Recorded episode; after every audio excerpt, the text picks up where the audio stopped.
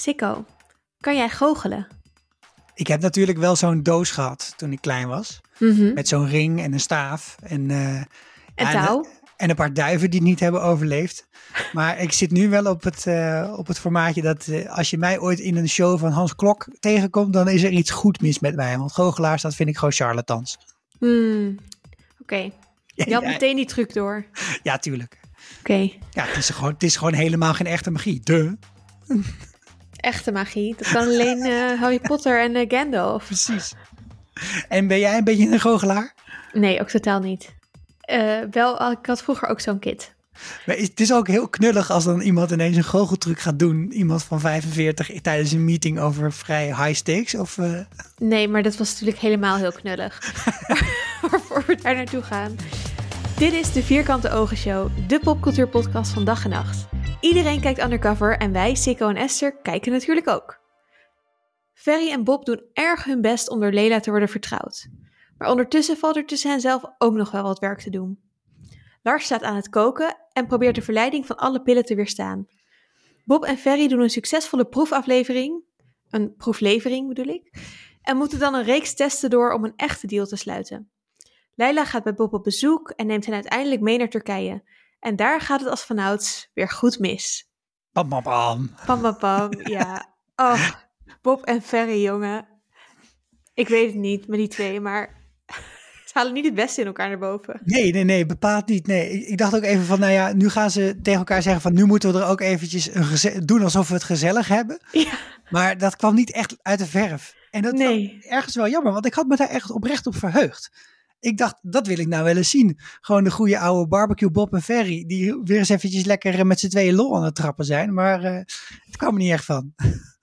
nee, ik weet niet. Het, het, ze hebben me echt al in al deze aflevering tot nu toe een paar keer van die momenten gehad dat ik echt dacht, het gaat helemaal mis en het komt gewoon hoe, door hoe jullie het aanpakken. Sukkels. Maar goed, het is ook wel leuk om naar te kijken. Ja, want ze hebben dus trust issues.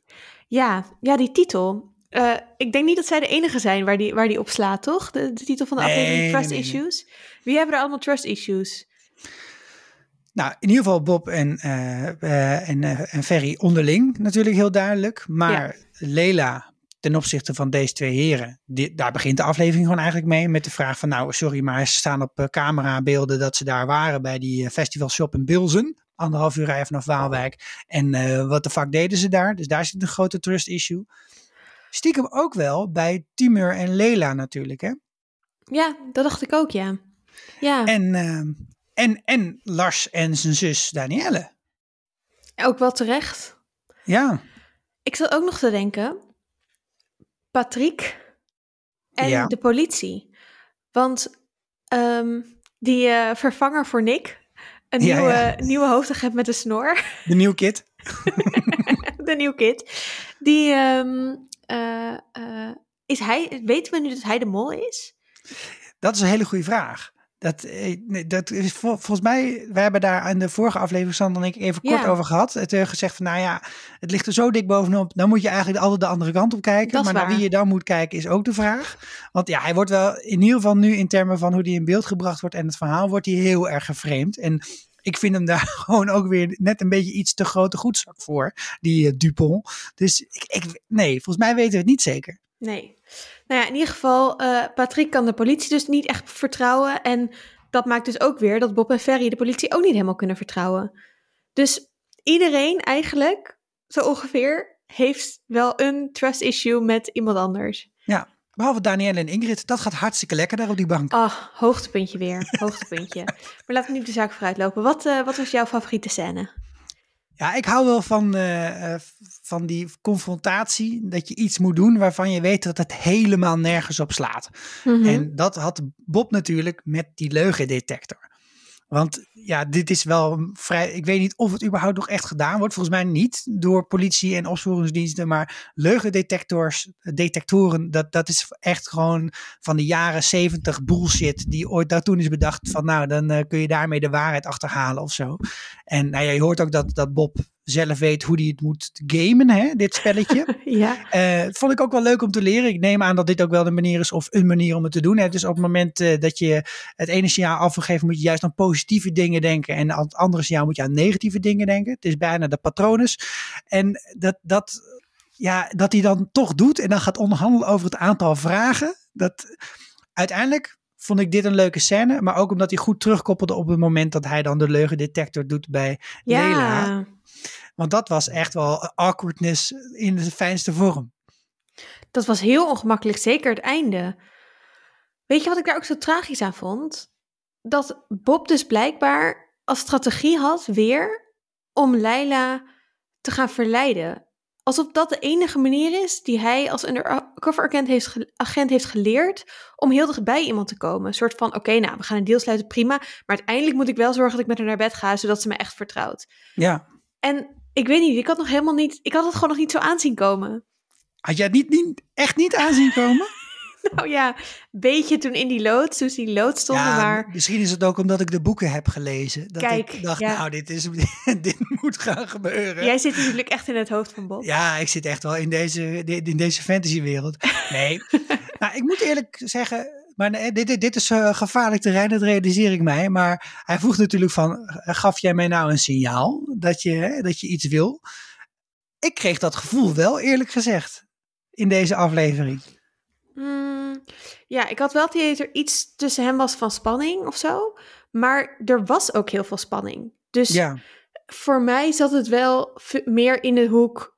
We zijn elkaar gewoon heel erg aan het uittesten. En dat Ja, zit natuurlijk ook te- tegen flirten of zo aan. Dus ik kan me heel goed voorstellen dat dat verwarrend is. Maar ik vond niet dat, zij, dat ze heel erg flirty deed of zo. Zij doet gewoon tegen iedereen. Heeft ze zo'n basis, zo'n lieve basishouding of zo. Met dat, een eh, ja. soort kille spanning eronder. Dat is gewoon haar. Nou, ik had het vooral aan tafel toen ze daar met die eh Shanghaiaan zaten. Dat, dat, dat er een paar blikken waren waar er ook echt één, één of twee tussen zaten die gewoon heel, echt heel zacht en ook verleidelijk waren. Voor, ja, voor mijn Ja. gevoel wel. Dus ik, ik vond dat niet raar dat hij dacht, nou dan pak ik hier een kans en dan probeer ik dat uit. Maar ik vond het wel hilarisch dat het gewoon echt helemaal backfired. En het was ook gewoon best wel dom blunt. Zeg maar, ik weet niet. Had gewoon even een maand gewacht. Of leer elkaar even kennen. Ja, Eh, ja. ja, het was niet handig. Ja, maar wij hebben ook allebei al een hele lange relatie, hè, Esther. Dus eh, wij, wij Ja. hebben geen emotie meer van hoe snel dat allemaal kan gaan. Dat is waar, dat is waar. Soms is het gewoon bam. In vuur en vlam. Precies. Nou, dankjewel. Even een kinderen voor kinderen. erin. Ja, even in. Ik vond dat ook. Ik vond eigenlijk elke scène tussen Leila en Bob. Mhm. vond ik hoogtepuntjes deze aflevering. Elke keer, zeg maar. En dan Ferry een beetje erbij als een soort van sukkel. Gewoon de hele tijd heel blunt en heel erg alles eruit gooien. ja. Ehm, maar zeker dan in die loods en, en inderdaad eh, die leugendetector. Ehm, en ook die, dat, dat etentje. Ja, was echt vet. Wat ik overigens ook een hele leuke scène vond, was eh, een ander hoogtepuntje. Eh Larsen eh, kookroutine. ja. Er komen vrij veel gehaktstaven en frikandellen bij kijken. Lekker veel gehaktstaven, frikandellen in de frituur. eh, leuk muziekie en dan gameboyen en een beetje in, in, in pannen staan roeren. Ja, Het, ik vond het er heel gezellig uitzien. het had, het had een heel hoog Breaking Bad gehalte natuurlijk. Hè? Ja. Dat, eh, behalve dat er aan het einde niet een clear blue substance uitkwam, maar, maar pilletjes. Ja, dat was een leuk knipoog. Maar ik dacht wel, eh, als je dan toch een knipoog doet naar zoiets, wat het duidelijk was, dan moet je Mhm. het goed doen. En ik vond dat ze het heel goed hadden gedaan. Want die- zo'n timelapse vind ik altijd wel geinig. En dan zeker als je dan steeds mensen op andere plekken ziet zitten en dan iets anders ziet doen. En dan in dit geval heel vaak een frikandel ziet maken. Kom, gooi er nog drie in. Eh, ik dacht ook van ja, als je Breaking Bad in Nederland of Vlaanderen zou hebben, hoe zou dat eruit zien? Ja, dat zou er wel zo uitzien, denk ik. ja. Sowieso. De Brabantse Breaking Bad is dit gewoon. Ik, ik denk alleen, ik, ik heb nog nooit zo'n pil gemaakt, dus eh, het zit niet in mijn routine. Maar ik kan me zo ergens voorstellen dat het niet heel intelligent is om er een friteuse naast te zetten. Gewoon uit het, uit het oogpunt van veiligheid. Nou ja, ook zeker naar, gezien het eerder in de aflevering ging over of de elektriciteit het allemaal wel zou houden. denk ik, nou, ook nog een frituur erop aansluiten is misschien niet het meest stabiele om te doen, maar oké. Nou, deze jongen voelt zich blijkbaar heel vertrouwd met al deze chemische stoffen en maakt Dat is zeker zo, nul ja. zorgen. De grootste zorg was eigenlijk, eh, ga ik die pilletjes nemen? En daarmee eh, komen we bij het volgende ehm, segmentje. Hoe gaat het met, eh, met de mensen die wij volgen? En ik heb natuurlijk ehm, mijn focus op uh, Danielle. En het belangrijkste aan, uh, ja, aan, we hebben eigenlijk maar één scène met Danielle gezien, deze aflevering. Mm Die was dat ze heerlijk op de bank zat met Ingrid. Uh, of Inge, hoe heet ze ook weer? Volgens mij heet ze Ingrid. Ingrid, ja. Braafheid in ieder geval van de achternaam. Ja, lekker uh, filmpje te kijken of een serie of zo. En uh, gebeld door het instituut waar Lars zich zou moeten melden. Mm -hmm. Dat hij al twee dagen niet was komen slapen en niet reageerde op telefoontjes. Nou, Danielle maakt zich natuurlijk meteen zorgen. En, en terecht. En terecht, want op het moment dat ze hem belt, staat hij toch wel heel erg naar die pillen te kijken. En neemt een handje mee. En echt, ik heb echt met caps in mijn aantekeningen opgeschreven. Lars, doe het voor Daan. Maar nee, zelfs dat haar naam op zijn telefoonscherm verschijnt. Nou ja, hij neemt er niet eentje op dat moment. Nee. Maar hij stopt ze wel in zijn zak. Ja, er wordt hier wel even wat in de week gelegd, lijkt ja. mij zo. Ja. ja, kijk, het is natuurlijk nog steeds de vraag of hij ze zelf gaat nemen. Of dat hij, I don't know, ook nog zelf gaat dealen. Of... Ja, maar met een paar van die pilletjes, dan, uh, dan kun je je huur niet van betalen, volgens mij. Ja, oh, ik vind het echt zo zielig voor Daan. Wat, wat ik niet helemaal kan invoelen in deze, uh, in deze opbouw is... Ik heb gewoon werkelijk geen idee hoe verslavend die pilletjes zijn. Want ik, ik, ken zeker wel mensen die er wel eens eentje hebben genomen op een festival. Ik ga er even vanuit dat die gewoon weer om MDMA gaat. Uh, want hè, dat hebben we het over de precursoren gehad. Maar ik wist niet dat dat heel verslavend was, eerlijk gezegd. Dat heb ik wel met andere drugs, maar bij deze was ik daar niet mee bekend, eerlijk gezegd. Ik um, weet daar ook echt heel weinig van. Ik ben geen erva ervaringsdeskundige hierin. Uh, luisteraars uh, die hier uh, anoniem het licht op willen die kunnen dat doen op vriend van de show.nl vierkante ogen. Ja, of misschien ben je wel juist onderzoeker of expert of, of behandelaar en, ja. en, weet je hier meer over te vertellen. Dat zullen we echt wel interessant vinden om een keer mee te nemen in de aflevering. Nee, maar ik heb wel het idee dat de reden dat het ook echt een partydrug is, is omdat het minder verslavend is dan bijvoorbeeld coke. In ieder geval, ik ken echt veel mensen die dat wel eens doen en niet er meteen helemaal van afhankelijk zijn. Maar goed, ja, ik, ik, er zullen vast ook mensen verslaafd aan zijn. En uh, het kan ook dat hij een, een ergere drugsverslaving heeft gehad. En ja. dat dit een, een, gewoon een vorm is van, uh, um, hoe zeg je dat? Ge, genotsmiddelen tot zich nemen. Ja, ja. Nou, en ook die tanden, wat natuurlijk een onderdeel is van dit verhaal. Hè? Dat uh, hij, ja. hij, hij, schaamt zich voor zijn gebit. En dat gebit is door de drugs naar de getver geholpen. Maar dat is ook iets wat ik heel erg associeer met, met een vitamine of zo. Of met andere, met crack. En niet zozeer met, uh, met pilletjes. Nee, of maar iets wat je rookt of zo. Zie ik wel iets helemaal over het hoofd. Geen idee. Dat laten we ons graag corrigeren, zou ik zeggen. Ja, inderdaad. Hoe gaat het met de mensen jij volgt? Hoe gaat het met Ferry en Bob? Nou ja, die uh, maken het leeuwendeel van deze aflevering natuurlijk uit. Dit is uh, wat zij aan het doen zijn. Uh, ze gaan naar Turkije. Ik vind het wel geinig dat ze... Ja, je ziet op een gegeven moment dat moment dat Bob bij Nathalie in de kinderkamer staat. En dan zegt ze van, ik heb om twee uur een echo. Nou, ik heb inmiddels ook wel geleerd, als je tegen Bob zegt, ik heb om twee uur een afspraak. Dan kun je er dat was ook mijn eerste gedachte. Dat hij het, dat hij het continent dat gaat verlaten. Zo. ja. Dus dat gebeurde hier natuurlijk ook weer. En uh, ja, dan moet hij er weer afbellen met een telefoon. Ja, dit, dit, dit is allemaal zo'n routinematig ding geworden. En ergens heb ik het gevoel soms van, het is een beetje lui schrijfwerk. Maar aan de andere kant, ja, mensen zijn gewoon zo. Ik heb ook vrienden die gewoon echt altijd te laat zijn. Of hè, dat, dat je een afspraak maakt die gewoon een dag van tevoren blijkt, dat gaat niet door. Ja, volgens mij kennen we die mensen allemaal en daar hebben we ook wel eens wat van gezegd. En inmiddels maken we er alleen maar grappen over, want het verandert toch niet. Ja, maar en ik heb niet het idee dat die mensen allemaal undercover agent zijn. Nee, het is niet zo'n handige, handige uh, eigenschap als undercover, als UK, denk ja, ik. maar uh, zeg maar, het is wel, hij kan er echt niet echt iets aan doen, toch? Zeg maar, ik bedoel meer, je hebt mensen die te laat zijn omdat ze denken, ah, uh, ik red het niet of uh, ik verplaats het gewoon, ja, zeg maar, redenen. En je hebt mensen die gewoon, zoals Bob, in een situatie komen waarin ze. Ja, ik ga dan toch een kiezen. beetje klinken als een hele irritante middenmanager. Maar, uh, zeg maar ook als je te laat komt, je zou ook wat eerder weg kunnen gaan van huis. En als je weet dat je een afspraak hebt, hè, met die en die, dan kun je natuurlijk ook gewoon als, uh, als management richting de ander zeggen, nou, weet je, ik heb een afspraak met die en die en dat zou nog wel eens uit kunnen lopen. Dus uh, zullen we het anders verzetten of gaan met je moeder? Hoe had hij kunnen bedenken dat hij die avond naar Turkije moet vliegen? Nee, dat had hij niet kunnen bedenken. Maar als je een afspraak hebt om, als je bent om, wat het zal zich afspelen deze scène om een uur of elf in de ochtend of zo, en dat hij zegt, nou, ik zie je vanmiddag bij de, dan, dan je gaat een, je, uur met Leila praten, had ik maar, nee, ik vind ja, dit, ik nee, vind je gaat dit niet, zaken dit, doen met de een- grootste drugsbaron Ja, maar van. dit kan je eh, niet op een hoop gooien met mensen die niet punctueel zijn. Als, zeg ik als iemand die niet heel punctueel is. en de eigen parochie heeft gesproken. Nee, prima.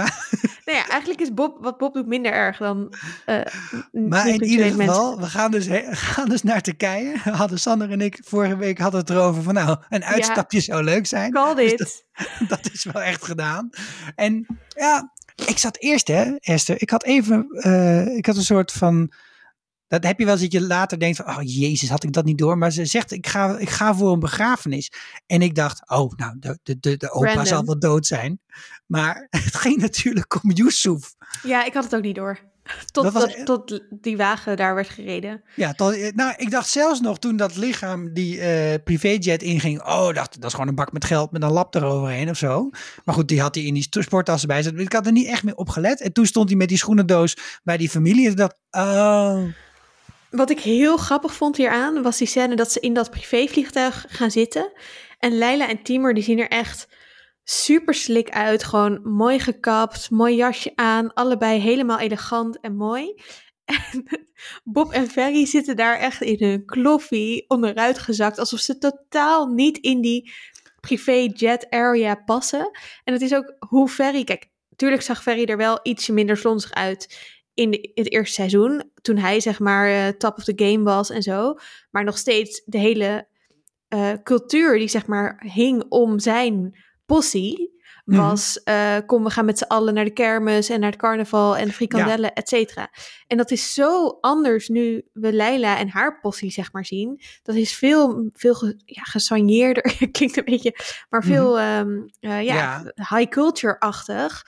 En eh, allemaal steeds hakken aan en chic en netjes en dasjes om. beste restaurant van de stad. En, Precies. nou, en, en dat is, ik vraag me nou wel eens af. Ik kan twee kanten op denken. Aan de ene kant heb je een beetje een soort ja, geïdealiseerd beeld misschien van maffia door Godfather films, achtige dingen. En, en dat, daar, daar wordt ook dat beeld neergezet van mensen in hele dure pakken, die Ja. allemaal op maat gemaakt zijn, die de mooiste auto's rijden die er zijn. Die komen bij een restaurant en dan wordt er zo gedaan en dan is er ineens een tafel vrij of dan is er iets geregeld. En ehm, dat heb je gewoon met die Brabantse drugsbenden zoals ze worden geïntroduceerd ook in het eerste seizoen juist helemaal niet. Het heeft een totaal ander soort smaak.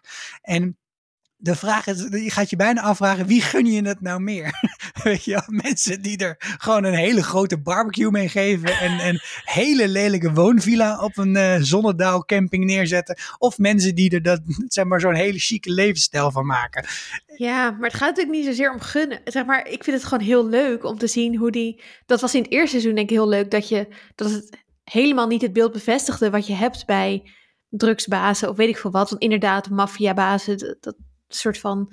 Al die grote auto's, et cetera. Maar ik vind het nu ook juist weer heel leuk dat het soort van... hey, wij hebben de toko overgenomen. En we zijn ook soort van next level een nieuwe wereld aan het bouwen... Ja. waar jij helemaal niet in past. Precies, nee, En- dat is het heel erg. En, en je ziet ook een beetje als een soort eh recalcitrante puber hoe hij, hoe hij zit in dat vliegtuig. Ja, een soort van, en ik had doe het ook al met die, met, die, met die rolkoffertjes vorige week toen hij in dat huisje kwam. Dat hij ook die koffertjes ongeveer naar binnen smijt.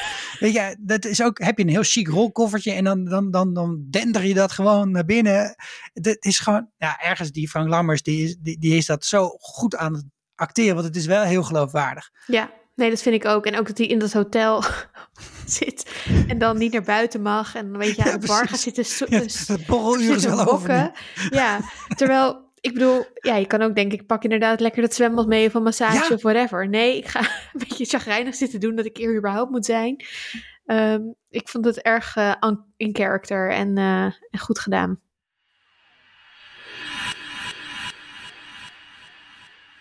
Waar moeten we het verder nog even over hebben? Nou, misschien even over die pilletjes die afgeketend worden door eh Ferry. Oh ja, goeie. Dat is ook natuurlijk onderdeel van het trust issue verhaal. Maar ook, en ook heel typisch, echt heel typisch voor zo'n, eh, voor, voor mafioze praktijken, is, is dus niet van we hebben, een, we hebben een, eh, een onderneming met elkaar en we zorgen ervoor dat we dat goed met elkaar regelen, zodat we andere mensen kunnen oplichten of dat we mensen in ieder geval geld afhandig kunnen maken. Maar het ook altijd weer onderling gezeik is. Ja. En hier dat hij gewoon vier van die zakken pillen in zijn, die pakt hij even zo mee. Hè? Want er zijn er blijkbaar kijk. toch genoeg. Ferry moet ook iemand betalen om te regelen dat hij werkt. Ja, Want eh, hij moet werken voor, eh voor zijn is ook zo. Dus ja, Zo. hij moet iemand betalen die gewoon naar zijn werk gaat en dan incheckt als Ferry. Dat wordt helemaal niet hij toch expliciet tegen gemaakt. Bob? Ja, hij zegt letterlijk, ik moet, ik moet iemand betalen die regelt dat ik werk. Oh, dat bedoelde je ermee. De- Oh, Dat denk god, ik, ja. moet natuurlijk ook iemand borden wassen. Ja, ja, ja. Ik vind hem... Oh, dankjewel. Da- Zo. Die, Ja, die had nou ik ja. even nodig. Fair enough. Ik vind het wel een goede rant tegen Bob. Ja, ja. ja, sorry man, maar ik heb gewoon kosten. En jij zit ze niet te dekken, dus ja, dan moet ik het zelf doen. Nee, en die rant vond ik ook echt lekker. Ik, dit, dit, is, dit is allemaal eh, heel veel goede ingrediënten voor een, eh, voor een echt lekkere clash op, eh, op later moment. Ja, überhaupt, niemand vindt elkaar aardig in dit hele verhaal. Nee, en, en ik kreeg ook een beetje door deze, door deze situatie en ook eh, de reizen naar verre landen, kreeg ik ook weer de vraag in mijn achterhoofd. Hoe zou het met Carlos zijn? Ah, Carlos. Die hebben we al lang niet meer gezien. Hè, die, bedoel je Enrico? Enrico of eh, daarvoor onze vriend uit Saint-Malo. Maar die, eh, ja, die, die vond ik eigenlijk altijd wel lekker wat toevoegen aan, aan jeu in het verhaal. Nou, als het om jeu gaat, waar we het ook echt even over moeten hebben, is... What the fuck, Reinhard Koen? Deze dude. Dit is Wacht dus even. de Je geld bedoelt eh, de, de gelddude met de, met de Ayoka. Ja, ik vond het nog heel grappig dat toen, toen eh, of ik had het leuk gevonden toen Ferry zei van, "Huh, jouw financiële mannetje. Dan had ik eigenlijk gewild dat zij had gezegd, wie zegt dat het een man is? Maar goed, het was dus wel een financieel mannetje. En het was ook echt een scherts, een soort van het, het cliché van wat je hebt bij zo'n, zo'n, ik weet niet, opgeblazen, snelle jongen. Ik ga dit geld even voor jullie eh, wegbietsen, eh, fixen via een of andere dodgy constructie. Ehm, maar ik vond het zelf, dus ik vond het eigenlijk een beetje te karikatuur of zo. Hm. En ook niet heel eh, aannemelijk dat zij met hem in zee gaat. Omdat hij later zo snel het opfokt, even over het einde. Ja, Hij pakt dat zo dom aan en dan dat wegrennen. Hoe kan ze al jaren vertrouwd met hem werken? Iemand die zo niet slim reageert op politie en op dreiging. En dat, ja, ik weet niet. Dus dat doet me eigenlijk bijna denken dat het allemaal een soort van setup was. Of dat ze hen gewoon wilden testen of I don't know. Maar ik, ja, ik, of dat is niet heel goed geschreven. Want ik vond dat echt niet realistisch. Zij is zo erg met vertrouwen en weet ik veel wat. En dan zit er zo'n douchebag. ja. Dat is wel een terecht punt. En ik, ik vond hem eh, maar geniaal irritant. Dat wel. Echt knap gedaan hoe snel deze meneer in je allergiezone zit. Dat eh, duurt dan denk ik nog geen 10 seconden. En ook de lompheid waarmee die dan inderdaad gepakt wordt. Dat is misschien wel weer onderdeel van eh, het feit dat je dus heel veel geld hebt. En dat je denkt dat je alles kunt permitteren. Dat je ook op zo'n moment wel even denkt van nou hè, op sodemieteren met z'n allen. Ik sta hier met mijn Maserati, wat voor auto het ook was. En eh, jullie moeten aan de kant voor mij. Dus dat, ergens klopt dat wel. Maar dan is het. Dat, maar hij wordt dan nu, ze worden nu ja, allemaal eh, opgepakt, ga ik maar vanuit. En dan zal hij dan wel als eerste weer weg zijn uit de gevangenis dan of zo. Want dit, dit moet iemand zijn die, dit, die denkt dat hij zich dit kan Maar permitteren. als hij zo goed is in geld laten verdwijnen en, hij, en ze zijn tien seconden verder en hij wordt opgepakt met al dat geld. Ja, ik weet niet. Onrealistisch. Weird. Maar goed, eh, ik vond die hele situatie dat ik dacht, oh Bob en Ferry. Ja, Het is echt een beetje Samson en Gert-achtig gevoel begin ik bij hen te krijgen van dit duo gaat gewoon van de ene ramp in de andere. En ja, hoe gaan ze zich hier nou weer uitlullen? ja, ja, ja, ja. Ik, ik gun ze wel zo midseizoen een beetje rust. Gewoon even een, eh, Ja. momentje waarop het goed met ze Een gaat. want break. Het gaat nu niet zo goed. Nee. Hey, en nog even één ding, hè. Het is locatie, locatie, locatie waar het altijd over gaat. Hè. Het is met huizen, het is met, met filmen.